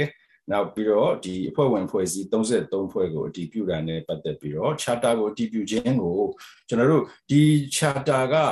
ဟိုမေလကနေပြီးတော့2021မေလကနေပြီးတော့ကျွန်တော်တို့ဒီနှစ်စမ်းပိုင်းအထိဟိုပြန်လည်ပြီးတော့ကျွန်တော်တို့ဟိုပြင်ဆင်ဖြစ်ဆွတ်ထားတဲ့ဒီ charter ကိုအားလုံးပါဝင်တဲ့အဖွဲ့အစည်းတွေအားလုံးရဲ့သဘောတူညီချက်နဲ့အတည်ပြုတာဖြစ်ပါတယ်ခင်ဗျပြင်ဆင်ချက်များကိုပါကျွန်တော်တို့ဒါဟိုရခင်ကဒီ March လ31 2021ကထုတ်ပြန်ခဲ့တာရှိပါတယ်အဲ့ဒီဟာကိုကျွန်တော်တို့ပြန်လည်ပြင်ဆင်ပို့ရအတွက်ကျွန်တော်တို့ ဒီ working committee ဆိုတာဖွဲ့စည်းပြီးတော့ချိန်တော်ကြာလုပ်ငန်းဆောင်ရွက်ခဲ့ပါတယ်အဲ့ဒီအတွက်ကျွန်တော်တို့ပြင်ဆင်ချက်တွေလည်းအများကြီးရှိခဲ့ပါတယ်အဲ့ဒီပြင်ဆင်ချက်တွေနဲ့နောက်ဆုံးကျွန်တော်တို့အားလုံးကနေပြီးတော့ဒီသဘောတူလက်ခံနိုင်လောက်တဲ့အထိကျွန်တော်တို့ဒီဟိုပြင်ဆင်ချက်တွေကိုလည်းအကျိအနယ်ကျွန်တော်တို့ဆွေးနွေးခဲ့ပြီးတော့မှအားလုံးပြင်ဆင်ချက်များအပါအဝင်ကျွန်တော်တို့အတည်ပြုခဲ့တာဖြစ်ပါတယ်ဒါကပထမမေးခွန်းမှာနောက်တစ်ခုကတော့ဒီ30 အဖွဲ့ဝင်အဖွဲ့အစည်း33ဖွဲ့နဲ့ပတ်သက်ပြီးတော့လုတ်ပိုင်ခွင့်တွေ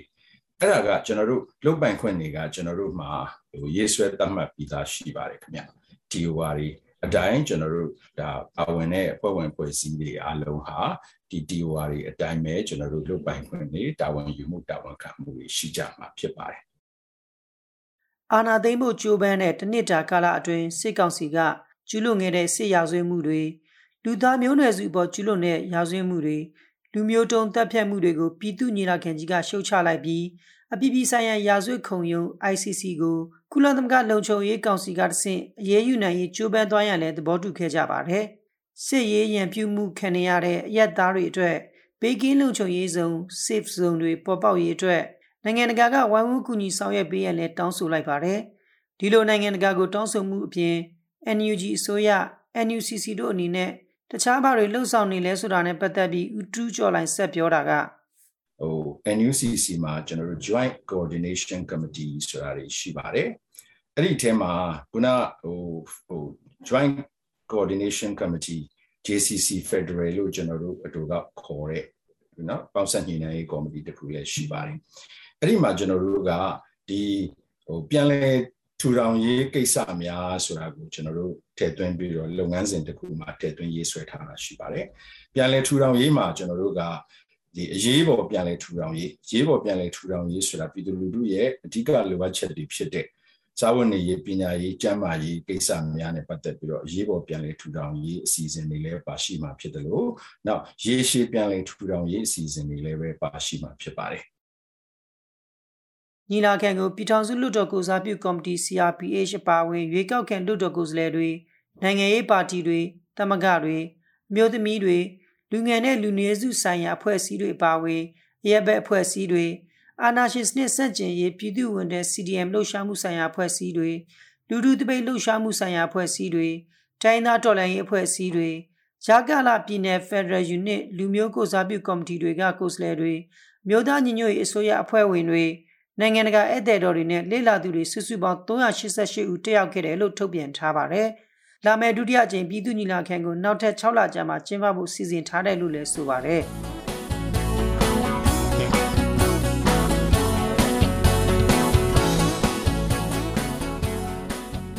ခုနားဆင်ခဲ့ကြရတာကတော့ BNI Radio ကနေ့စဉ်သတင်းအစီအစဉ်ပဲဖြစ်ပါတယ်။ ဒီအစီအစဉ်ကိုနေ့စဉ်မြန်မာစံတော်ချိန်ညနေ9:15မိနစ်ကနေ9:00ခွဲအထိ15မိနစ်ကြာထုတ်လွှင့်နေတာဖြစ်ပါတယ်။နားဆင်ပေးတဲ့အတွက်ကျေးဇူးတင်ပါတယ်ရှင်။ကျွန်မကအမီပါ။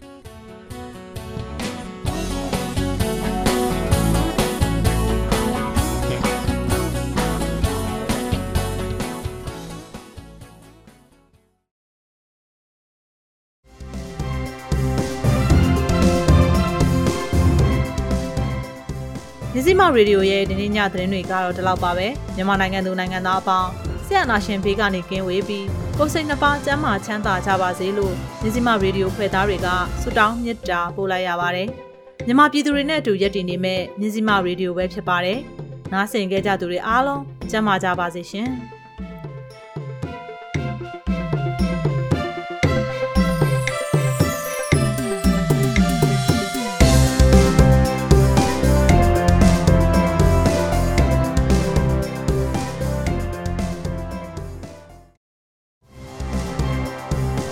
မတို့ရဲ့မြစီမရေဒီယိုကိုနေ့စဉ်ည6နာရီခွဲမှည9နာရီခွဲထိလိုင်းဒိုမီတာ16မီတာစက္ကွန်တသမခွန်3မဂါဟက်စ်ကနေပြီးတော့ဖမ်းယူနားဆင်နိုင်ပါပြီ။မြစီမရေဒီယိုကိုနားမစင်လိုက်ရတဲ့သူတွေအနေနဲ့မြစီမ News and Mommy Page, 108 Page, မြစီမ YouTube Channel, မြစီမ Website Podcast, Application Podcast, Anchor Podcast တွေမှာလည်းပြန်လည်နားဆင်လို့ရပါတယ်နော်။